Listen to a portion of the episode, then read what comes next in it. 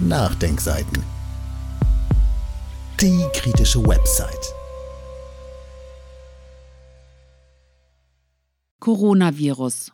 Schon für das normale Tagesgeschäft sind Kliniken aus pflegerischer Sicht nicht gewappnet. Ein Interview von Markus Klöckner mit Monja Schünemann. Verantwortlich Redaktion. Personalmangel, spärliche Ausstattungen und Pflegekräfte, die an ihrem Limit arbeiten.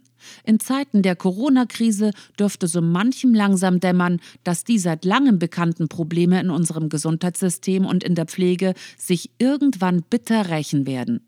Monja Schünemann, ausgebildete Krankenschwester und Historikerin, findet auf ihrem Blog mypflegephilosophie.com immer wieder klare Worte zum Thema Pflege. Im Nachdenkseiteninterview verdeutlicht sie, wie schlimm es um die Pflege bestellt ist. Markus Klöckner. Frau Schünemann, dass in unserem Gesundheitssystem im ganz normalen Tagesbetrieb schon vieles aus dem Ruder läuft, ist bekannt. Nun aber ist das Coronavirus im Land. Sind unsere Krankenhäuser gewappnet? Monja Schünemann. Das kommt darauf an, aus welcher Perspektive man es betrachtet. Theoretisch scheint das, glaubt man denjenigen, die gerade nicht vor Ort sind, gegeben. Es wurden noch Beatmungsmaschinen gekauft. Doch schon jetzt haben viele kein Isomaterial mehr zur Verfügung. Es gibt Berichte, wonach nur noch eine Maske pro Schicht an eine Person ausgeteilt wird und diese Person muss dann alle versorgen. Woanders werden Testungen von Kontaktpflegekräften verweigert, weil sie ja nicht in China waren. Die Personaluntergrenzen wurden ausgesetzt. Das birgt eine erhebliche Gefahr, gerade auf Intensivstationen. Oder kurz Schon für das normale Tagesgeschäft sind Kliniken aus pflegerischer Sicht nicht gewappnet. Stattdessen erklärt man ihnen unaufhörlich, dass gerade jetzt alles auf sie ankäme. Wie immer also. Die Probleme scheinen tief zu liegen. Die Kollegen sind schon jetzt ausgebrannt. Sie kriegen keinen Rückhalt bei den Einwohnern. Auf Twitter werden sie beschimpft, sie sollten sich keine Kinder anschaffen, wenn sie dann in der Not nicht arbeiten können. Das trifft unheimlich, weil in anderen Ländern die Leute sich vor Kliniken versammeln und Applaus klatschen, wenn die Schichten wechseln. Doch das Ganze hat auch strukturelle Dimensionen. Eines der grundsätzlichen Probleme besteht darin, dass die Leute in der Ausbildung einen Beruf erlernen, den sie in der Praxis nicht ausüben dürfen. Jeder Außenstehende wirft seine veralteten Vorstellungen von der Pflege aus dem 19. Jahrhundert mit in den Topf der Fremdzuschreibungen. Es gibt keine Sprecher für die Pflegenden, die alle vertreten oder gar noch einen Blick für die Probleme der Basis hätten. Pflege gilt als diejenige, die nichts zu sagen hat, weil sie nur Schwester sei. Nun müssen von Pflegenden plötzlich Besuchsverbote durchgesetzt werden. Bei meinem Bekannten brachen Angehörige in die Pflegeeinrichtung ein, weil sie die Schutzmaßnahmen nicht einsahen. Es gibt kein Material auf den Stationen. Pflege ist in sogenannter erweiterter Quarantäne, darf also nicht in die Quarantäne bei Kontakt. Manche Kliniken lassen ihre Mitarbeiter nicht testen, verbreiten Fake News, damit die Pflegenden nicht zu Testungen gehen. Auch wenn Mitarbeiter positiv getestet wurden, hörte ich von Fällen, wo der Mitarbeiter dann weiterarbeiten musste. Das ist besonders gefährlich, weil er in dieser Zeit bereits nachgewiesen infiziert ist und ohne ausreichende Schutzmaßnahmen Patienten und Kollegen anstecken kann.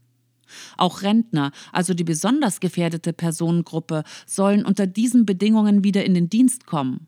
Das ist fatal, wenn ohne Schutzmaterial Pflegende erst isoliert werden, wenn sie Fieber kriegen. Pflegende sollen gar in den Schulschließungen ihre Kinder nicht betreuen, weil anderes vorginge. Die Gesellschaft vergisst, dass Pflege ein Beruf ist, von ganz normalen Frauen und Männern mit normalen Familien. Aber es wird noch schlimmer. Mittlerweile spülen die Kollegen in manchen Kliniken ihre Masken ab, obwohl sie Einmalmaterial sind. Das Robert Koch Institut gab zwar die Möglichkeit, nach Säuberung Einmalmaterial mehrfach benutzen zu können, aber die Kliniken sprechen von Wochen. Wochen, in denen sich verschiedene Kollegen gebrauchte Masken teilen sollen. Das wird alles einfach angeordnet. Pflege ist Verfügungsmasse geworden. Und immer weniger wollen über sich verfügen lassen. Seit Anbeginn der BRD holt Pflege die Kohlen für die Menschen aus dem Feuer, aber sie darf nicht mitentscheiden, wie. Die Beispiele sind mannigfaltig. Wo hakt es noch? Selbst jetzt in Corona-Zeiten sehen Sie nicht eine Pflegekraft in den Fernsehsendungen. Während es in Amerika gang und gäbe ist, dass Pflege Pressekonferenzen hält und sichtbar ist, wird der überwiegend weiblich konnotierte Beruf hier leise gehalten. Der Hashtag Respect Nurses macht klar, dass Pflegende für die Waschlappen und Essensschubsen der Nation gehalten werden, die man auch sexuell angreifen darf. Bis wir in der MeToo-Debatte über Pflege geredet haben, musste ich tatsächlich erst einen Blog schreiben und ins Fernsehen gehen. So internalisiert ist die Gewalt schon, dass nicht einmal die Berufsverbände darauf kamen, das ginge die Pflegenden etwas an. Aber gleichzeitig sollen sie Übermenschliches leisten. Am Ende gibt es dann als Dank warme Worte und Merci. Das ist günstiger, als systemrelevante Profis ernsthaft zu bezahlen und daran zu arbeiten, dass diese Form von Pflege so nicht weiter bestehen kann. Seit Jahren werden Pflegende krank. Der DRK-Gesundheitsreport geht von 25 Prozent psychisch Kranker in der Pflege aus. Ab da darf man es dann wohl strukturelle Gewalt nennen. Auf ihrem Blog mypflegephilosophie.com haben sie viel zum Coronavirus geschrieben. Mein Eindruck ist, sie sind wütend. Auf die Politik, aber auch auf so manchen Mitbürger. Welche gravierenden Fehler sehen Sie auf politischer Seite? Ich bin über das Stadium einer reflektierten Wut weit hinaus. Allerdings habe ich bedingt durch mein Studium nun eine andere Perspektive auf die Struktur, auf die Historie und auf soziokulturelle Musterbeispiele, die Pflege berühren. Diese Standpunkte kleide ich in klare Worte. Ich sage das, was weh tut. Das gefällt nicht jedem. Manche hat solche Worte noch nie gehört, schon gar nicht von einer Frau. Das größte Problem ist, dass Pflege ein scheinbarer Kostenfaktor ohne wirtschaftlichen Nutzen geworden ist, so sagt man. Aber Pflege, wie ich sie noch kennenlernte, wandte Schaden vom Patienten ab, verhütete Gelenkfehlstellungen und Lungenentzündungen, mobilisierte und sorgte dafür, dass ein sekundärer Schaden erst gar nicht aufkam. Fakt ist, dass ein gut mobilisierter, sicherer Patient mit seiner Situation besser umgehen kann und weniger Folgekosten nach sich zieht. Pflege soll Gesundheitskompetenz stärken. Das fehlt jetzt. Es fehlen Konzepte, aber auch die Möglichkeit, jetzt direkt mit den Menschen zu kommunizieren, wie es in Amerika über das Fernsehen möglich ist. Wir waren einfach nicht Bestandteil der Pandemieplanung, so scheint es. Auch Pandemieschulungen fehlen uns völlig. Blicken wir auch da nach Amerika, werden diese Schulungen durchgeführt und der oberste Grundsatz ist dort, die oberste Priorität hat der Schutz des Personals. Und wir rasen da einfach mit den Kollegen in eine Situation, die für sie lebensbedrohlich werden kann, als seien sie nichts wert. Das ist zutiefst unethisch und unmoralisch. Kein Leben kann doch weniger Wert haben als ein anderes. Dann ist da noch das deutliche Ungleichgewicht zwischen den Berufsgruppen, das jetzt sichtbar wird. So bietet Niedersachsen einem Arzt pro Stunde 200 Euro an, Pflege lediglich 30 Euro. Dabei leistet Pflege die Hauptarbeit in dieser gefährlichen Versorgung. Das kann nicht fair sein. Aber um auf Ihre Frage zurückzukommen, die Fehler der Politik fangen nicht erst jetzt im Umgang mit der Virussituation an. Wenn wir von Fehlern sprechen wollen, müssen wir früher ansetzen. Wo denn? Wenn wir die berufliche Entwicklung seitens der Politik historisch betrachten, fällt ins Auge, dass es immer wieder Ansätze, Maßnahmen und Studien gab, die Pflege professionalisieren sollten. Sobald man aber herausfand, dass sie Geld kosten, wirkungsvoll wären oder gar die Pflege befähigt hätten, brach man sie sofort ab. Da wurde Geld für Maßnahmen, die den Beruf professionalisiert hätten, investiert, das dann ganz schnell in Schubläden verschwand. Die Quasi-Schwester Stefanie, die Berufsfremde unbedingt in Pflege sehen wollen, darf nicht sterben. Das ist übrigens ein geflügeltes Wort bei uns. Schwester Stefanie darf nicht sterben. Das geht vom Akademisierungsunwillen seit 1945 bis hin zu den deprofessionalisierenden Maßnahmen jetzt. Überall wird Pflege studiert, weil das notwendig ist. Nur in Deutschland soll das eine freiwillige Angelegenheit bleiben. Nehmen wir die Umsetzung der Modelle. Da gab 1992 die Bundesregierung eine Studie in Auftrag, nach der nun ganz Deutschland pflegt, siehe Monika Krowinkel. Es gibt nationale Standards, die danach ausgerichtet sind. Das sollte Pflege und Gepflegte in einen Prozess der Pflege bringen. Endlich sagten Pflegende, was nötig war. Und dann? wurde das ganz schnell durch die Einführung der Pflegeversicherung wieder zeitlich getaktet und pervertiert. Pflege ist Beziehungsarbeit, ist Zusammenarbeit. Diese Beziehung wird nun an Hilfskräfte und Roboter ausgelagert. Die Maßnahmen, die in einer Hand liegen sollten, werden nicht gelebt, sondern sind nur noch zum dokumentarischen Abhaken da. Die Politik hat an diesem Punkt Pflege zerstört und deformiert.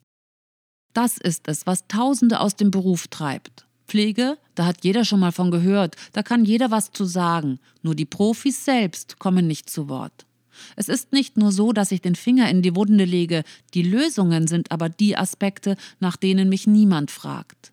Ich hatte einmal ein Gespräch mit dem damaligen Bundesgesundheitsminister Grühe, dem ich vieles von dem vorschlug, was jetzt fehlt. Kinderbetreuung zum Beispiel. Modelle für alte Arbeitnehmer und Alleinerziehende. Alle die, die jetzt fehlen. Die Lösungen möchte niemand hören, schon gar nicht die strukturellen. Deshalb liegt mein Fokus im Blog erstmal auf Problemen, die niemand ausspricht.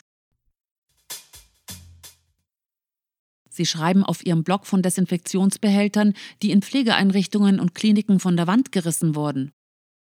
Das ist absurd. Da wurden auf Kinderkrebsstationen Desinfektionsmittel geklaut. Die leukämiekranken Kinder waren diesen Egoisten völlig egal.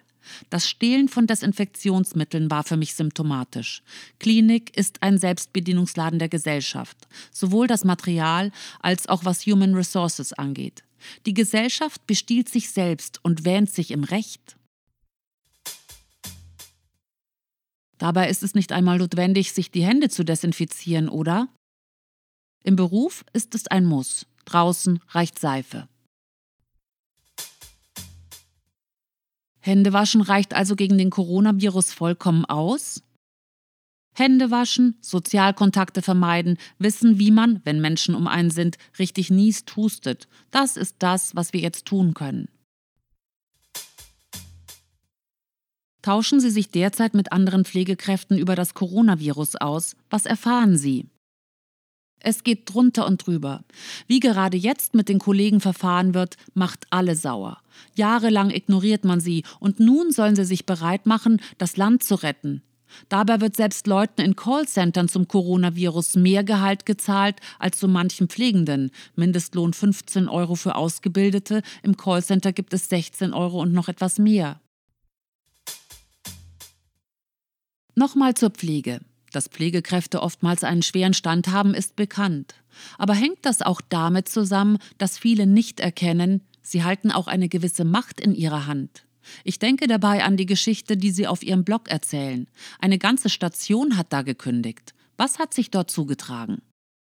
Die Überlastung wurde für das Team so groß, dass es geschlossen zu einem Betreiber gewechselt hat, der bessere Konditionen bot. Das war ein außergewöhnlicher Fall, der offenbar die Politik erschreckte. Dass der Einzelne keine Dinge in der Hand hat, sieht man am Beispiel der ausgebüxten Station sehr schön. Erst als alle mitmachten, ging es. Der Einzelne konnte nichts ausrichten. Dabei sprechen für Pflegende zumeist Ärzte. Ich nenne das Silencing. Andererseits wird seit Jahren betont, alles regele der Markt. Nun regelt es der Markt. Die Leute gehen in die Leiharbeit, weil auch diese in dem Fall bessere Konditionen bietet. Und schon wird diese Marktregelung verboten. Das ist absurd.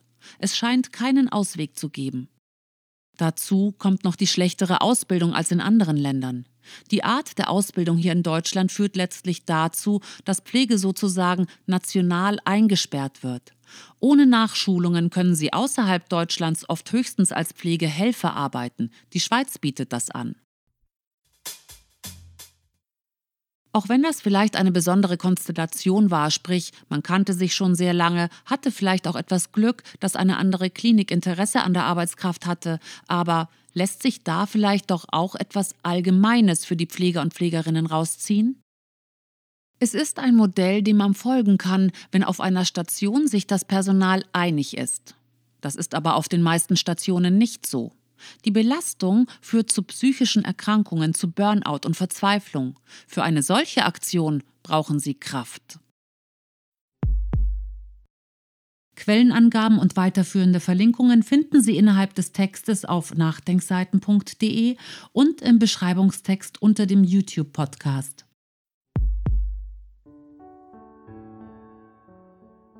Dieses Audio konnte nur entstehen, weil zahlreiche Leser und Leserinnen die Nachdenkseiten fördern und durch Spenden unterstützen. Wenn Sie auch etwas tun wollen, klicken Sie einfach den entsprechenden Button auf unserer Website an. Übrigens, Sie können uns auch bei iTunes, SoundCloud und YouTube hören und wenn Sie mögen, gerne unseren Kanal abonnieren und eine positive Bewertung für uns abgeben.